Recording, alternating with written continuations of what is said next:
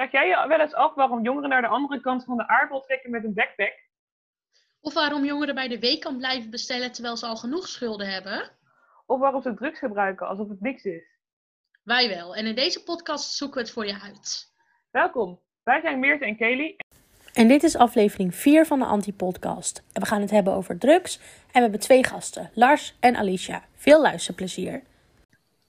Oké, Hallo. welkom, welkom iedereen bij de derde, vierde, derde. Meertje, welke aflevering is dit? De vierde. Vierde, de vierde aflevering alweer van de Anti-podcast.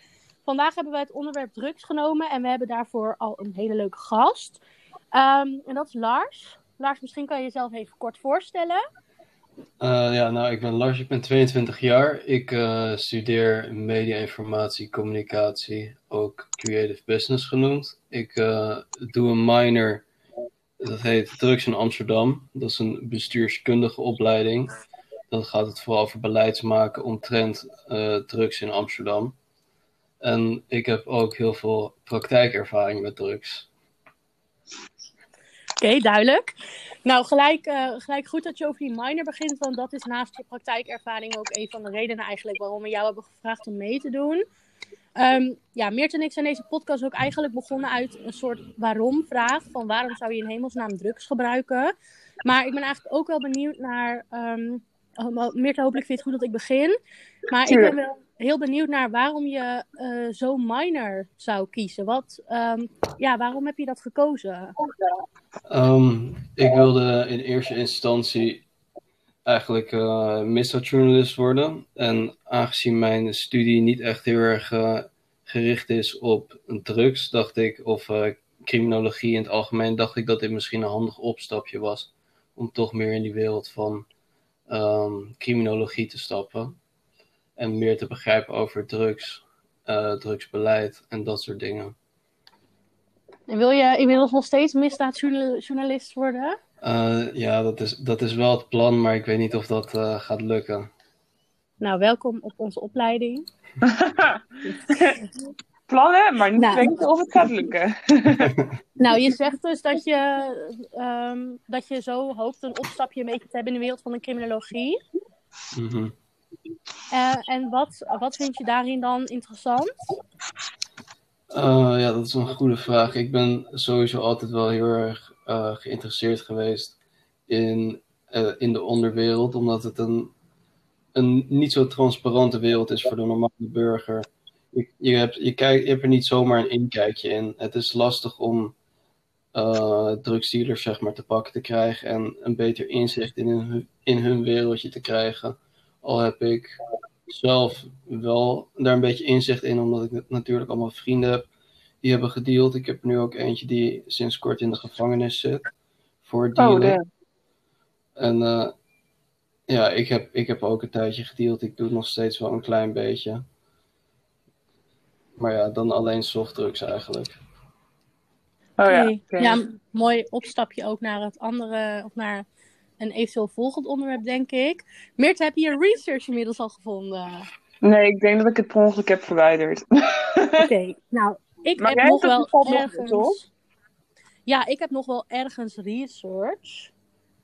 Als Dan moet ik het ook wel eh, even erbij gaan zoeken. Wij hebben namelijk ook even onderzoek gedaan op de website van de Jellinek. Lars, ik ga ervan uit dat je wel weet wat dat, het is. Ja, ja ik heb eh, ook met heel veel met mensen gesproken van Jellinek. Ja, Oh mijn god, Jellyneck Oké. is uitgevallen. Jellinek is uitgevallen, wat bedoel je? ja, 404. Oh, bij mij gelukkig nog niet. Oké, chill. Ik ga wel even Maar op Google nu- kijken. Ik probeer dus lekker op de site van de Jellinek te kijken, maar nu kom ik ergens in een soort coronacrisis eh, website. Dat wil ik dus helemaal niet. Dat is sowieso eh, op elke site de header nu. Een corona-bordje.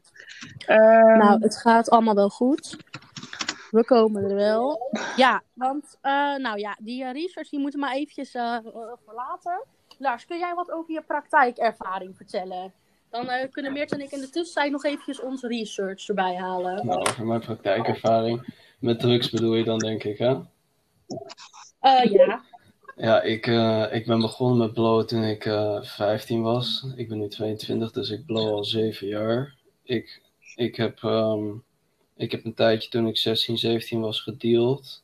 Ik heb eh, sinds kort heb ik ook, ook weer een klein beetje gedeeld, omdat ik 500 gram hash had gekocht toevallig.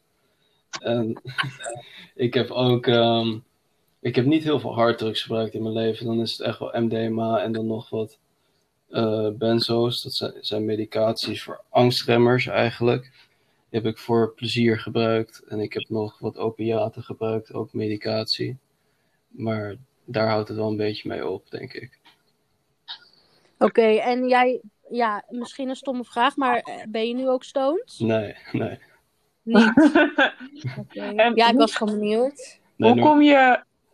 Oh, ja, sorry? Ja, normaal zou, Nee. ik, zou ik nu eigenlijk wel stoned zijn, zeg maar. Omdat ik eh, sinds een maand geleden ben ik gaan minderen met blowen. Ik blowde normaal echt zeg maar de hele dag door.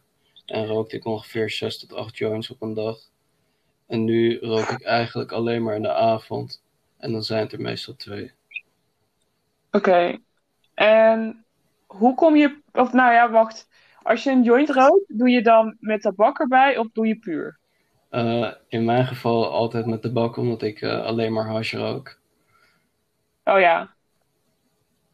En hoe kom je precies Ja, aan 500 waarom- gram hash? Toevallig. dat Wacht, vraag ik me heel erg af. stop. Terug naar de vorige vraag. Waarom, waarom, waarom gebruik je bij hash geen tabak? Ik weet dat dus al niet, hè? Nee, nee bij, hash, bij hash gebruik je juist tabak, omdat het, eh, anders kan je niet roken tenzij je het op een, eh, in een vaporizer stopt. En bij Oh, wiet wel. Ja, bij wiet kan je het wel gewoon puur roken. Dat is eh, omdat het veel makkelijker verbrandt. Oh. En, en waar komt de voorkeur voor? Want ik, ik denk dus, of is dat een aanname dat je een voorkeur hebt van, voor hash dan? Aangezien je dat alleen rookt. En waar komt dat dan vandaan? Eh, ja, het is, het is wel een duidelijke voorkeur dat ik alleen maar hash rook, omdat het eh, in ieder geval een eh, minder zware high is. Ik heb er ook een paar maanden geleden onderzoek naar gedaan. Dat het is namelijk een fenomeen dat heel veel mensen die veel blowen, zeg maar dagelijks blowen, uiteindelijk overstappen naar hash, omdat het minder complicaties met zich meebrengt. Heel veel mensen die voelen dat je minder goed functioneert als je wiet rookt. Ehm, mensen worden er ook sneller paranoïde door en het kost meer geld. Dus dat zijn ook wel ongeveer de redenen ja. waarom ik die overstap heb gemaakt van wiet naar hash uiteindelijk. Ja, oké, helder. En dan had ik nog een vraag, want je vertelt net dus dat je eh, aan 500 gram hash kwam. Mhm. En nou, ik ben dus niet zo thuis erin. Maar hoe, hoe kom je dan toevallig aan 500 gram hash? Ja, hij viel daar gewoon. Hij viel gewoon op de grond en toen lag het daar gewoon. Oh ja, het kwam uit die bomen. Ja, zo raar. Ik heb dat nou nooit. Nou ja, ik, ik, ehm, ik rookte sowieso al heel veel. Dus ik heb, ik heb eh, omdat ik veel heb gerookt, kocht ik op een gegeven moment 100 gram per keer. Omdat dat goedkoper was voor mij. En dat kocht ik dan van een vriend van mij. Maar die is dus onlangs opgepakt voor dealen. Oh, En ja. Ken ik die? eh, dat zou best kunnen, hij het Bas. Oh ja, daar heb je wel eens over verteld. Ja. Ja. voor de luisteraars die dit niet weten, Lars en ik kennen elkaar. Een beetje. Ja, nou, ik, ehm, ik had dus toen eh, regelmatig 100 gram gekocht. En eh, toen kreeg ik ook een paar mensen bij mij aan de deur op een gegeven moment die ik gewoon goed kende. Gewoon vrienden van me. Die ook wel meer dan 50 gram per keer wilden kopen. Dus toen dacht ik, nou, dan ben ik wel de tussenpersoon. Maar omdat Bas was opgepakt, moest ik even iemand anders zoeken. En dat heb ik dan via via gekregen. Er waren dan mensen uit Hoofddorp. Ja, ik kende ze eigenlijk helemaal niet. Dus dat is eh, ja, eigenlijk een eh, gelukje, soort van. En zijn er dan ook bijvoorbeeld, want er zijn natuurlijk ook heel veel soort van experimentele drugs of do-it-yourself drugs. Ehm, gebruik je dat soort dingen ook wel eens of hou je het dan wel een beetje aan die eh, cannabis of wiet of hard, hoe je het ook noemt, die je via via zeg maar kan krijgen?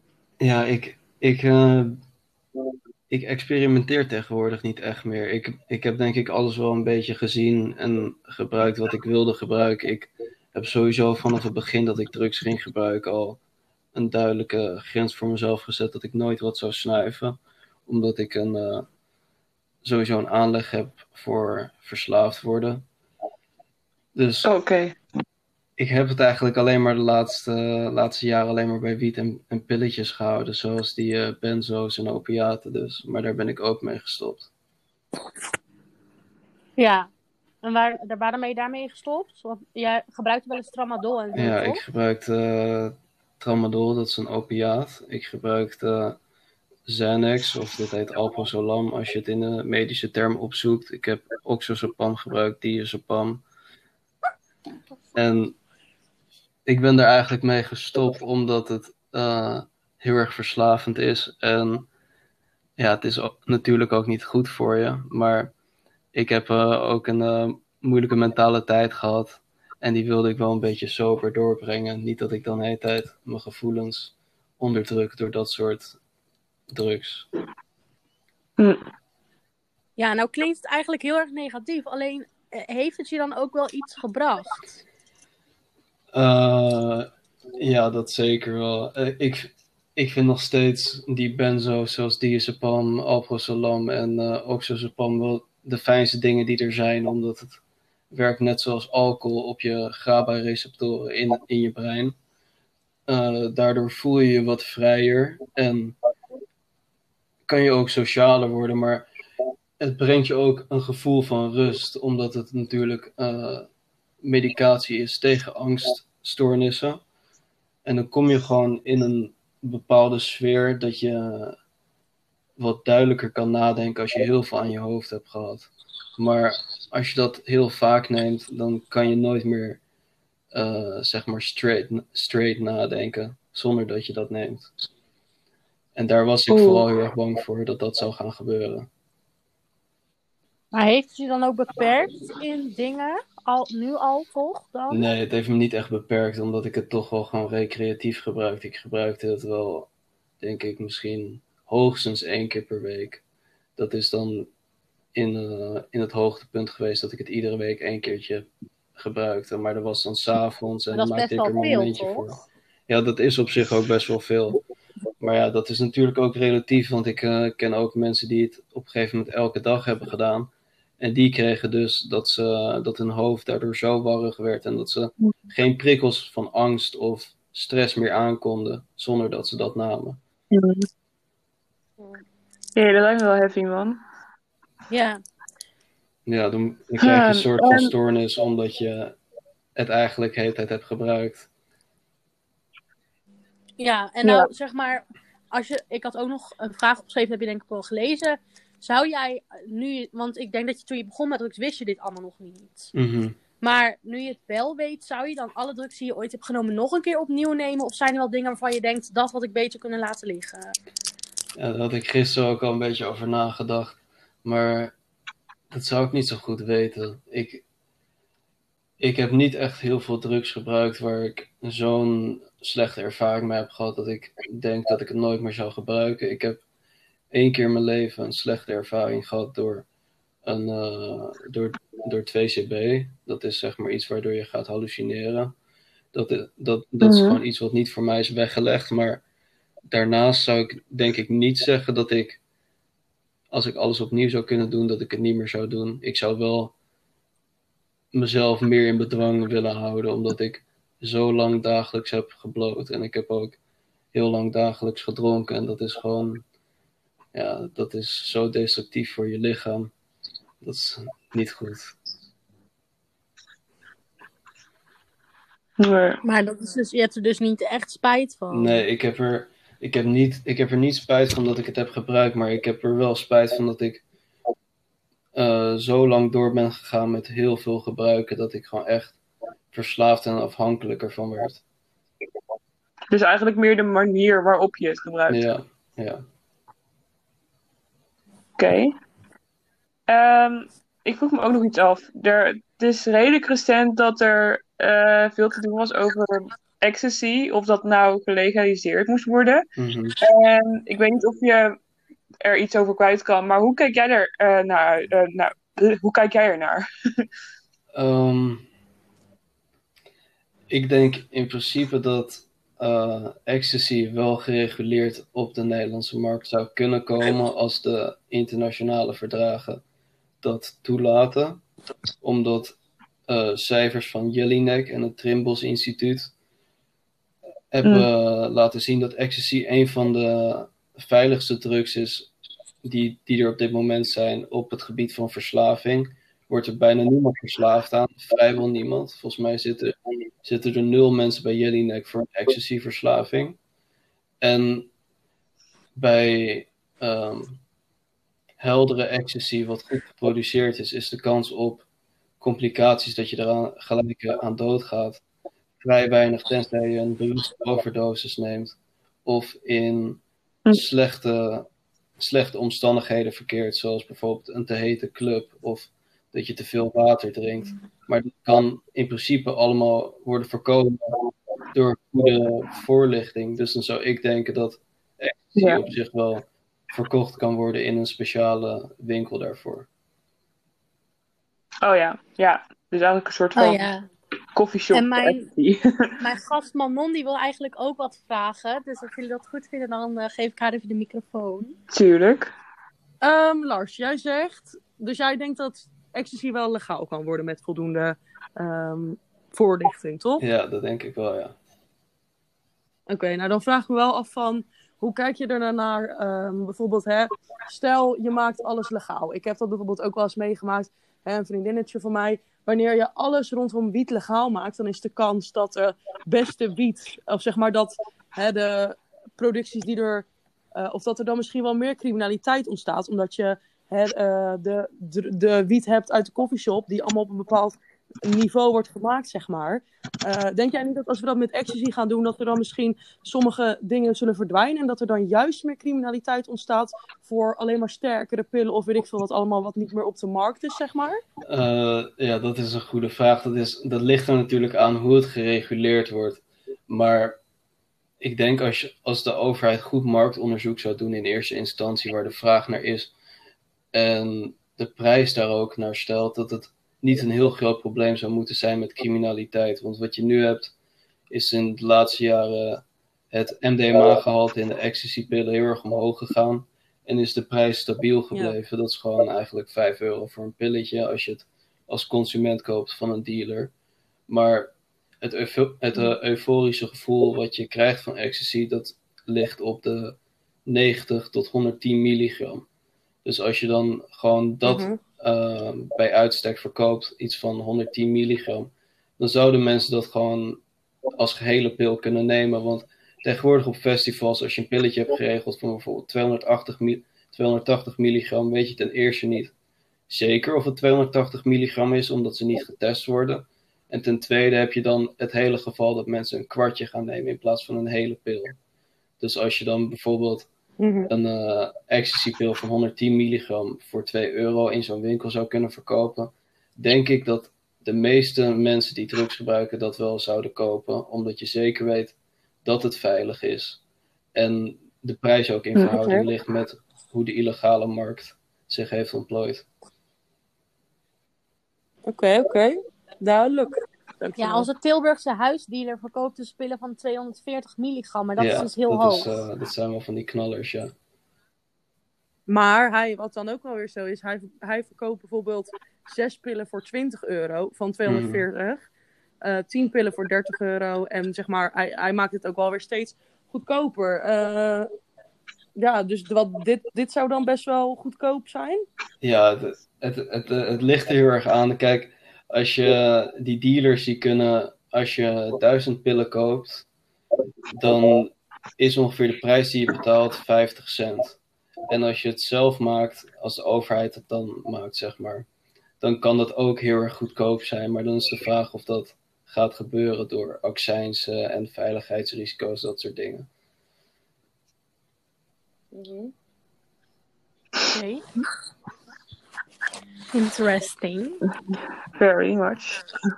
En eh, ja, ik weet het. Ik, Mert, ik heb net echt helemaal doodgezocht naar onze research, maar bij mij is het ook weg. Dus waarschijnlijk Oh, heeft een van onze deelde documenten gewoon de prullenbak ingegeven. Ja, maar dat, dat kan dus niet. Want als je een gedeeld document verwijdert, dan blijft het bestaan. Dus ik denk dat er gewoon iets mis is gegaan met de drive. Want Ja, het is ons gewoon niet gegund. nee, ik, ik heb ook niet echt iets verwijderd of zo. Dus daarom vind ik het ook zo raar. Eh, Ja. Ja, ik kan wel wat cijfers noemen over hoeveel ecstasy er wordt gebruikt en zo. Maar ik weet heel niet of veel. nou echt Nee, toegevoegde waarde heeft. Sorry, ik zat er even doorheen te praten, maar nu mag jij weer, Mirte.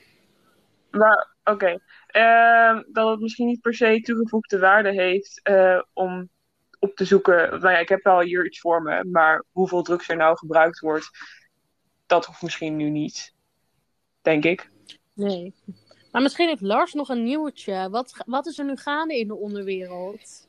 Ja, Waar gaan de discussies nou, waar de over? discussie over gaan. Wat ik de laatste tijd heb gehoord is, eh, in ieder geval met al dit corona-gezeik heb je heel veel dingen die eh, veranderen in de drugsmarkt. Want ehm, ik heb mijn, mijn halve kilo hash heb ik gekocht tijdens de coronatijd. Dat was dan, ik heb het gekocht voor 3,80 euro per gram. En dat is normaal, is dat een prijs van ongeveer 2 euro, 2,50 euro. Dus het is duurder geworden omdat de grenzen zo dicht zijn. En ehm, het was in het voorjaar en in het voorjaar is het ook sowieso duurder. Maar het grappige is wat je ziet, dat hash dus in prijs omhoog is gegaan om, door, door de grenzen. Maar dat wiet in prijs omlaag is gegaan. Omdat, omdat er in. Nederland zoveel wiet wordt geproduceerd. En 20% van de geteelde wiet in Nederland wordt aan coffeeshops verkocht. En de andere 80% gaat naar het Ah. buitenland in principe. Of wordt op de straat gedeeld. En omdat er helemaal niks naar het buitenland toe ja. kan, wordt het dus goedkoper. Hmm. Dat is wel een Cool. effect, ja. Ja, en het valt natuurlijk ook weg hoeveel mensen er in het park aan het chillen zijn met een jointje of zo. Ja, ik vraag me af of dat nou echt heel veel Dus, effect op heeft. Denk het niet. maar ja, het is inderdaad, er wordt heel, heel veel minder, denk ik, eh, gebruikt in die zin. Ja, Ja, wel, Ja, ik wel zag grappig. toevallig laatst ook op Maar- Facebook nog een, ehm, een eh, enquête van Trimbos Instituut voorbij komen die voor mij was eh, klaargelegd, omdat ik blijkbaar aan profiel vo voldoe. Dat er was een onderzoek naar eh, hoeveel mensen nu blowen tijdens de coronatijd. Dus daar zal binnenkort ook een eh, rapport over vrijkomen. Of dat Ah. invloed op elkaar heeft gehad. Oh. Ja, ben benieuwd. Lijkt me wel eh grappig effect om te zien, inderdaad. Ik denk minimaal drie. Ja. Het is de vraag. Gaan, gaan- maar, maar wat ik me wel afvraag, gaan er mensen uit verveling nu ook eh, meer, meer gebruiken? Ja, als je toch heel de dag niks te doen hebt, weet je, waarom niet? Alleen, ik denk wel dat heel veel problematische gebruikers toch niks meer doen, omdat ze problematische gebruikers zijn. En je hebt Mhm. natuurlijk ook het vraagstuk dat ehm, je kan nu niet meer in de coffeeshop blowen door het verbod van corona. En dan vraag je ook af hoeveel van die blowers zijn in de gelegenheid om thuis te roken. En als ze dat niet zijn, roken ze dan evenveel op straat dan als ze in de coffeeshop zouden doen. Dat zijn allemaal vari- eh, variabelen die je niet zo heel goed kan inschatten nu. Ja. Ja. Ehm, de volgende gast die we hebben is eh, Alicia van der A. En die kan ook het een en ander vertellen over drugs. Welkom Alicia, hoe gaat het? Hi, met mij gaat het goed. Ehm, ja, vertel, wat, wat heb je allemaal al gedaan en wat ben je nog van plan om te doen? Ehm poeh, eh, ik heb best wel al eh, ja, veel verschillende soorten dingen geprobeerd. Ehm, van partydrugs tot, eh, tot psychedelica. En ik ben nu de laatste tijd vooral heel erg geïnteresseerd in psychedelica en in wat je daarmee kunt bereiken. En eh, daarmee wil ik ook een beetje de grenzen opzoeken van eh, wat je, wat je brein zeg maar aan kan. Ehm, en dat wil ik eh, thuis op een verantwoorde manier doen, maar ook in de vorm van ceremonies. En heb je al een keer, ben je al een keer over de grens gegaan? Nee. Nee, ik probeer het iedere keer een beetje een klein stapje verder te doen, maar wel op zo'n manier dat ik bijvoorbeeld niet in één keer denk van, oh, ik gooi echt heel veel van iets naar binnen en dan maar zien wat er gebeurt. Maar echt in kleine stapjes eh mee te rekken, zeg maar. En met wat voor Eh. soort dingen doe je dat dan? precies. Ehm, eigenlijk vooral met, eh, met truffels en LSD. En ik heb nu sinds kort ook ehm changa thuis. En dat is een soort van DMT, maar dan in kruiden. Eh, dus dat rook je, zeg maar. Ehm, en dat is Mhm. sterker ook dan, dan dat psychedelica, eh, dan dat LSD en truffels zijn. Mhm.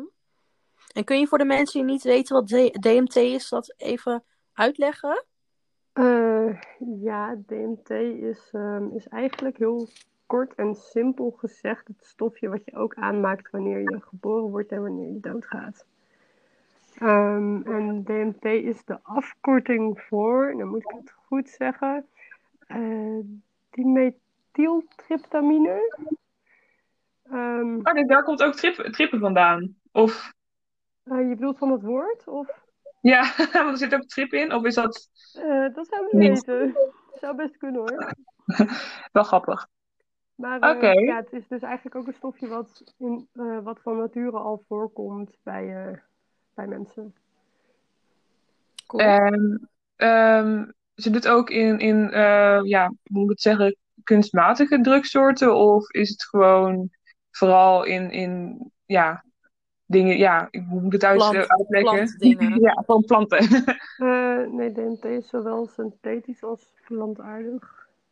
Oké. Oké. En jij, eh, jij, want jij hebt thuis nu iets wat daarop lijkt. Ja. En dat, dat wil je dan gaan gebruiken, of eh, dat neem ik aan? Ja, ehm, ik heb dat vorige week een keertje gedaan. Ehm, maar toen kwam ik erachter dat ik helemaal niet zo goed kan roken. En wat eigenlijk misschien heel positief is. Maar je moet dat dus best wel diep inademen en, eh, en over je longen roken, zeg maar. Ehm, anders dan werkt het gewoon veel minder goed. Maar dat kan gewoon in Nederland, dat je dat gewoon koopt en gebruikt. Ja, het is een beetje net als alle andere. Eh, eigenlijk een beetje net als alle andere soorten drugs. Het mag eigenlijk niet, maar als het maar een bepaalde hoeveelheid is, dan mag dat wel. Zeg maar gebruik is niet, niet strafbaar, maar bezit in hele vele hoeveelheden wel. Hm. Ah. Ja, dus niet in gaan dealen. Nee, nee, precies. En ehm, ja, wat voor, wat voor ervaringen heb jij eh, met eh, psychedelica? Ehm, het is eigenlijk een beetje begonnen gewoon, eh, ja, een beetje voor de lol eigenlijk, om te kijken van, goh, wat, eh, wat doet dit? Ehm, en toen ben ik eigenlijk vaker gewoon thuis gaan, eh, gaan trippen met vrienden. Ehm, en eigenlijk puur voor de lol. En op festivals, vooral op sci-fi, ben ik wat grotere dosissen gaan nemen. Omdat dat ook wel voelt als een omgeving waar het kan en waar als het fout gaat mensen zijn die weten wat ze moeten doen, zeg maar. Mhm. Ehm, en uiteindelijk eh, vond ik het eigenlijk ook heel interessant. Ben ik documentaires gaan kijken over eh, wat, eh, wat psychedelica zeg maar kan doen bij bijvoorbeeld depressies. Of wat dat echt doet met je, met je hersenen. Waardoor je je ook echt eventueel beter kan gaan voelen. Waardoor je inzichten kan krijgen. En eh, waardoor je het zeg maar meer een soort van op een educatieve manier gebruikt. Of om een soort van eh, ander inzicht te krijgen in dingen of zo. Cool, klinkt heel cool. Ja. Oh, stilte. Ja, Ehm, en ehm, ja, eh, ik weet, ik weet niet precies hoe, hoe het zit met ehm, depressies en zo en eh, je mentale gesteldheid. Maar heb je het idee dat dat ook, ook zo werkt bij jezelf? Ehm, ja, ik heb zelf geen, eh, niet per se last van depressies of, of dat soort gedachten, zeg maar. Maar ik merk wel dat als ik een keer een keertje getript heb, of in ieder geval truffels of LSD of zo gebruikt heb, dat ik dan gewoon in dat moment in ieder geval heel veel vrolijker ben. Maar ook de dagen daarna, dat je gewoon anders gaat nadenken over dingen. En dat je ook, eh, over het algemeen ben ik dan vaak vrolijker of heb ik opeens superveel inspiratie om dingen te doen. Mhm. Ehm, ik, eh, doe eigenlijk ook altijd wel, als ik, eh, als ik aan het trippen ben, dan heb ik een soort van notebookje Oh, bij me waar ik dan allemaal dingen opschrijf. En af en toe komen er ook echt wel dingen uit die ik gebruik voor mijn opleiding of zo. Oh, wow. Cool. En eh, heb je voorbeelden daarvan? Wat je hebt gebruikt voor je opleiding? Ehm, ja, de laatste keer eh, dat ik ging trippen heb ik echt een heel blad vol geschreven met dat ik video's wilde maken van ehm, eh, dat ik een slootwater aquarium wilde maken en dat ik dat dan wilde gaan filmen. En dat ik die filmbeelden dan wilde gaan vervormen en dat wilde gaan gebruiken als projecties. Ehm, en ik ben erachter gekomen dat wanneer eh, olifanten gefilmd worden met een eh, nachtcamera, dat ze dan een soort van mandala-patroon op hun huid hebben. Wauw. Dat is echt Cool. super vet, dus dat wil ik ook nog een keertje gaan gebruiken. Wow, Maar echt... jij, jij praat er nu al over alsof het echt niet zo heel veel is. Als, gewoon, als ik wel een strip zeg je. Maar vind je het nooit heftig of zo? Ehm, Want als ik er naar luister, vind ik het best wel heftig een beetje. ehm, ja. Ehm, ik weet dat het heel heftig kan zijn en dat het voor heel veel mensen niet iets eh, normaals is. En het is zeker ook niet iets wat, iets wat ik wekelijks doe. Ehm, eh, maar ik denk dat als je het op een verantwoorde manier gebruikt en als je je totaal kan overgeven aan de ervaring, dat het juist wel heel erg mooi kan zijn. En ehm, ik denk ook zeker niet dat het voor iedereen, eh, iedereen is weggelegd. Ik- en ik wil ook niet zeggen van, goh, ga met z'n allen, ga dit met z'n allen doen. Je moet daar wel goed Mhm. over nadenken en je moet dat ook wel eh, kunnen, zeg maar. Mhm. Ja.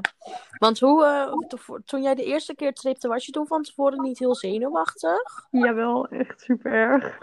En wat had je, wat had je toen genomen? Ehm, dat waren truffels die je gewoon bij de smartshop kan halen. Oh ja. Ehm, En was je dan vooral zenuwachtig over lichamelijk of over wat het geestelijk met je zou doen? Ehm, eigenlijk allebei wel, omdat ik wel, eh, ik had me wel goed ingelezen en verhalen gehoord van mensen en precies afgewogen wat dan een juiste dosis zou zijn. Ehm, maar je weet natuurlijk nooit eh, hoe het dan op jou werkt, zeg maar. Je leest dan allemaal Mhm. verhalen op internet waarvan ik dacht, oh, dit is echt super vet. Maar ja, dan is het toch wel spannend van, gaat het dan ook, ja, hoe gaat dat dan uitpakken? Ja. En ehm, rond welke leeftijd was je ongeveer toen je begon? Ik denk dat ik toen 16 of net 17 was. Oh, sky jongen. Hoe oud ben je nu? Ik ben nu bijna 23. Ik ben donderdagjarig. Oh, alvast Oh, gefeliciteerd. Ja, precies. Meestal, dankjewel. Ja, waar ik ook heel benieuwd naar ben, dan wat ik dan net al zei. Jij zou dus een ayahuasca eh, eh, d- eh, sessie, ri- ritueel, eh, hoe noemen ze dat? Eh, ceremonie. Ceremonie, dat wordt ik gaan doen. Ehm, ehm, maar eh, waar doe je dat in, in Nederland? Hoe werkt dat? Ehm, het is ehm, tot, tot een paar maanden terug was het, eh, was het legaal of was het gedoogd in ieder geval. Maar tegenwoordig is het illegaal, dus het mag eigenlijk niet meer. Maar er zijn verschillende plekken in Nederland die dat soort ceremonies nog organiseren. En meestal gebeurt dat dan met een, eh, met een shamaan, dus iemand die eh, die dan zeg maar de ceremonie leidt en die weet hoe die moet werken met de, de ayahuasca. En dat wordt vaak begeleid door middel van muziek. En ehm, het is zeg maar niet net als dat je truffels doet, dat je even voor de lol gaat trippen. Ehm, omdat, het, eh, omdat het heel erg heftig is en best wel lang duurt. Ehm, en het wordt vaker ook een reis genoemd in plaats van een trip, omdat je echt ook jezelf, eh, je kunt echt jezelf tegenkomen, zeg maar, en daar heel diep en ver in gaan. Ehm, ja. En jij hebt daar wel zin in. Ehm, ja, ja, ik weet niet of zin het goede Ja, ik vind het wel heel erg leuk. Eh, maar ik ben vooral heel erg benieuwd ehm, wat er dan gebeurt en waar ik dan, ehm, of er zeg maar dingen zijn, eh, deurtjes die open gaan eh, en gedachten die komen waar ik zelf helemaal geen weet van heb, zeg maar. Mhm. Want verwacht je dat ook uit die sessie te halen? Ehm, ja, ergens wel. Ik hoop wel dat. Oh, sorry. Ehm, ik hoop wel dat ik daar een, eh, dat ik daar enigszins inzicht krijg waar ik verder iets mee zou kunnen doen. En het is niet per se dat, eh, of het is eigenlijk helemaal niet dat ik eh, negatief over dingen denk. Juist niet. Ik sta super positief in alles, maar juist daarom ben ik ook heel benieuwd van oké, ehm, wat, wat is er nog meer? Eh, en wat, wat kun je daarmee, zeg maar? Ja. Ja, interessant. ja, ik vind ook al, het is zo mysterieus. Ja, ja het, is, ehm, eh, het is wel iets wat steeds bekender wordt. Mhm. Ehm, en ja, eigenlijk ook wel steeds populairder en steeds meer mensen die het willen doen. Maar omdat het dus ondertussen illegaal is, ehm, moet je ook zelf een beetje weten eh, waar je moet zijn. En je kunt nu eigenlijk niet meer googlen van hé, hey, ik wil dat doen en waar kan ik dat doen? Want heel veel. Oh, ik heb het net gedaan. Ik zit op de website van Innerlijke Reis Ayahuasca Ceremonies. Ah, en zegt zij ook, eh, zegt ze ook dat ze die ceremonies nog geeft? Want er zijn heel veel. Nou, er staat, eh, wil je meer weten, bel op het nummer. Ah. Ja, want er zijn ook heel veel. eh, de eh, ceremonie die ik zou gaan doen, die website is bijvoorbeeld offline gehaald. Oh, wauw. Ehm, en er zijn ook heel veel websites die zeggen: we doen, eh, we doen geen ayahuasca meer, maar wel dingen die erop lijken, of truffels of eh, dat soort dingen. Nou, deze website doet ook Cambo Eh, en eh, gif van de grote groene boomkikker. En vis, Philo, Philohuasca, Magic Truffles. Oh, ze zijn gestopt met ayahuasca, ze doen een Philohuasca. dat ken ik niet. Dat is een combinatie van truffels en de MAO-remmer. Oké. Nou ja, dit is verder niet zo heel boeiend. maar jij kan dus ook op zo'n website en toen dacht je, dit spreekt me wel aan, ik boek het. Ehm, ik had ehm, via een eh, vriend van mij hier ooit een gesprek over en hij had dat eh, al heel veel vaker gedaan. En ehm, hij heeft mij een adres, toen de tijd een mailadres gegeven eh, en die website. En toen dacht ik, ja, misschien, eh, misschien moet ik dat hier wel gaan doen. En voordat ik dat gesprek had met hem, zat ik er, ik denk al een jaar, anderhalf jaar over na te denken. En toen gaf hij mij die contactgegevens. En op het moment dat ik dus dacht van oké, nu kan ik het echt boeken, toen werd ik eigenlijk super zenuwachtig. Mhm. Eh, dus daar is eh, nog een half jaar overheen gegaan voordat ik dat gedaan heb. Ehm, en toen heb ik uiteindelijk geboekt, maar die, eh, de eerste twee keer dat ik het wilde doen zijn niet doorgegaan, omdat ik toen zelf ziek was. En dus eigenlijk niet kon. En ehm, toen is daar nog een jaar overheen gegaan dat ik dacht van ja, nu heb ik er eigenlijk ook niet zo heel veel zin meer in. En eh, toen bedacht ik een half jaar geleden ongeveer, oh eigenlijk, eh, eigenlijk voelt het wel weer alsof ik dit moet doen, alsof ik dit wil doen. Ehm, want het voelt ook een beetje als een soort van eh, roep of zo. Dat je dat een soort van, je moet daar echt klaar voor zijn om dat te kunnen doen en om dat te willen. Mhm. Ehm, ja, dus dat had ik een half jaar terug, ongeveer een half jaar terug weer heel erg. En toen heb ik me dus weer ingeschreven. Eh, en nu gaat het dus niet door eh, vanwege de coronacrisis. Helaas. Ja, Ja, ja. Dus ja, Nou, ik ben nog steeds super benieuwd. En ik denk dat, eh, dat mijn ceremonie nog wel gaat komen. Maar ik vraag me af. Het is een beetje spannend wanneer. En heb je ook nog iets van een eh, screening moeten doen al? Of eh, komt die nog? Sorry, wat zei je? Een? Eh, ja, dat eh, want ik heb ook wel een paar keer gelezen dat je eerst, als je dan zo'n ceremonie gaat doen, dat je wel eerst een soort van gescreend wordt door de aanbieders van of je het kan hebben en zo. Heb je zoiets ook gedaan? Ja, ja, de eerste keer dat ik me inschreef, toen kreeg ik een, vra ja, een vragenlijst met ehm, eh, vragen als of je psychische problemen hebt, of dat psychische problemen in je familie voorkomen, ehm, Ja. of je medicijnen slikt, of je vaker iets gebruikt en wat voor drugs je dan gebruikt. Ehm, en eigenlijk aan de hand van die vragenlijst gaat de aanbieder dan kijken van oké, ehm, is het verantwoord Mhm. om dit te doen of niet? En eh, ja, die heb ik dus een paar jaar geleden een keertje ingevuld en een half jaar geleden nog een keer. En in principe zou het gewoon moeten kunnen. Oké. Ah. Ja, wel goed dat ze dat doen, Ja, vind ja, ik. zeker. Ja. Zeker. Maar wat gebeurt er nou als Meerte of ik nou morgen naar zo'n ceremonie gaat? Gaan we dan dood of vinden we het vreselijk? Want je zegt, je moet er klaar voor zijn. Wat, wat kan er dan gebeuren? Ehm, ik denk dat het. eh, eh, je, gaat, je gaat er niet dood aan. Ehm, maar ik denk dat het vooral heel erg heftig en heel overweldigend kan zijn. Als je niet weet waar je aan begint. En ehm, Mhm. helemaal op het moment dat je. eh, het, er zijn mensen die het doen zonder enige andere ervaring. Ehm, Mhm. maar dat zijn de meeste mensen die zoiets doen, gaan daar ook echt. eh, die beginnen daaraan met een soort van. met een intentie, zeg maar, met iets wat ze willen bereiken. Iets, een, een vraag, zeg maar, die ze eh, willen beantwoorden. Of een onverwerkt trauma, of een verslaving, of iets dergelijks. Of gewoon eh, met een soort van nieuwsgierigheid. En ik denk dat als je eh, goed onderzoek doet naar, naar de ayahuasca en naar wat wil je daar uithalen, wat wil je uit die reis halen, ehm, dat, dat je het zeker kan doen.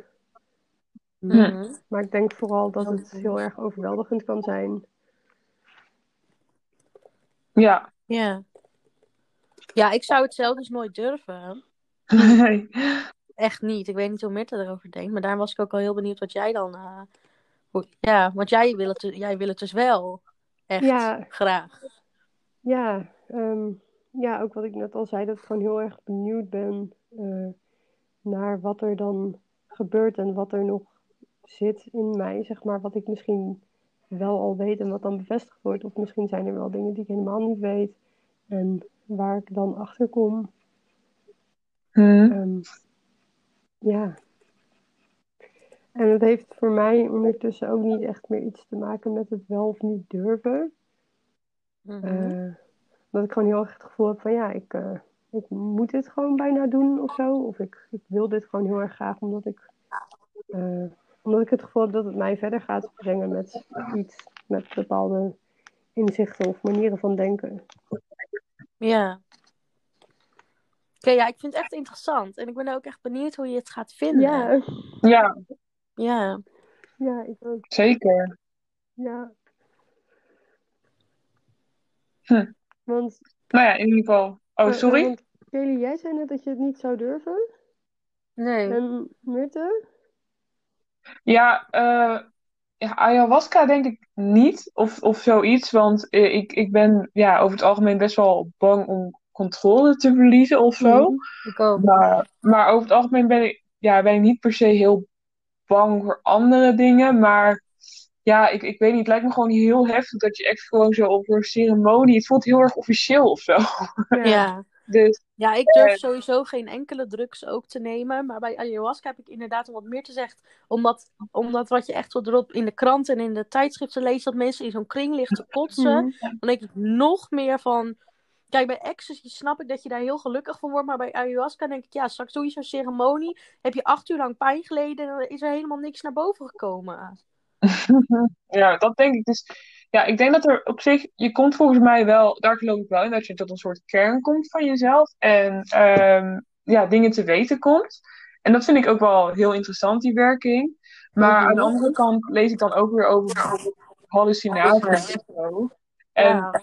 ja, het is niet dat ik alles geloof, maar dan heb ik wel zoiets van, wow, stel je voor, weet je wel, dat je echt gewoon daar last van krijgt. Dus dat is het een beetje voor mij. Maar ik vind het wel heel cool als andere mensen eh, zoiets doen en dat het gewoon, ja, weet je, lukt. Ja, Ja. ja.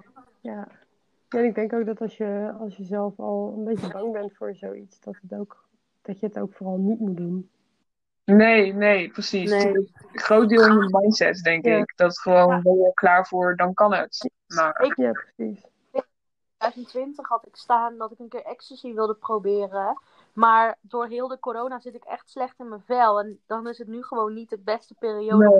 Nee. Nee, precies. Je moet daar. Maar als het gebeurt, dan had ik het wel, eh, dan had ik het wel graag een keer willen proberen. Ja. Ja, wat je zegt, het is vooral gewoon belangrijk om dan goed in je vel te zitten. Ja, precies. En daar ben ik me ook wel van bewust. Maar ehm, aan de andere kant ben ik ook een beetje blij. Want ik ben ook wel het type wat dan helemaal ingaat. Ehm, ik kan soms best wel obses- obsessief zijn. En ik denk dat er ook wel een kant in mij zit die elke druk die er bestaat wil proberen. Maar ik hou mezelf daar een beetje tegen. Dus ik vind het niet heel vervelend, want anders was ik misschien wel. Ik weet niet hoe ik anders was geweest. Ja, Want ik ben best het type wat dan elk weekend aan de kook zou gaan, wat dan geen rem meer heeft. ja. Dus op dat opzicht ben ik eigenlijk wel blij met mijn eh controlefreakerigheid. Ja, iedereen die dit luistert, die denkt vast, wat lult zij? Maar nou, ik geloof dat iedereen wel in zich eh, dat hele nieuwsgierige heeft naar dat soort dingen. ja. ja, Nou, dat soort dingen, dat gooi ik het allemaal op één grote hoop. Maar ik denk dat, dat we allemaal wel nieuwsgierig slash avontuurlijk zijn. Maar dat heel veel mensen er gewoon eerder voor uitkomen dan anderen. En ehm, ja, het ligt gewoon ook wel, denk ik, aan je, aan je lefgehalte. En ik ja, eh, heb niet over het algemeen superveel lef. Dus daar gaat het al. nee, dat klinkt heel, heel sneu. Maar ik, ik, ik, ik, ik heb zoiets van, oh, ik kan hem helemaal denken aan al die dingen die kunnen gebeuren. En dus daarom ben ik niet de juiste persoon daarvoor, denk ik. Maar aan de andere kant ben ik wel heel nieuwsgierig naar heel veel andere dingen. Dus het maakt me ook niet zoveel uit. Nee. Oké. Interessant om Ja. dat dan te horen. Ja, ja, ik vind het ook, zeer interessant om te horen van, ja, op, een andere manier bekeken gewoon. Dat het ook gewoon kan helpen voor je opleiding. Ehm, oh ja, misschien even handig voor de luisteraar. Alicia, die eh, doet de kunstacademie. dat is misschien wel handig om te weten. Dus ja, als je daar inspiratie uit haalt, dan is dat ja, wel, wel super, Ja. denk ik. Ja. Goed. En dit was aflevering 4 van de Anti-podcast alweer. Ik hoop dat jullie het interessant vinden. En we hopen jullie ook allemaal heel erg graag weer terug te zien. Of eigenlijk te horen. Of we hopen eigenlijk dat jullie ons weer gaan horen bij aflevering 5. Tot dan!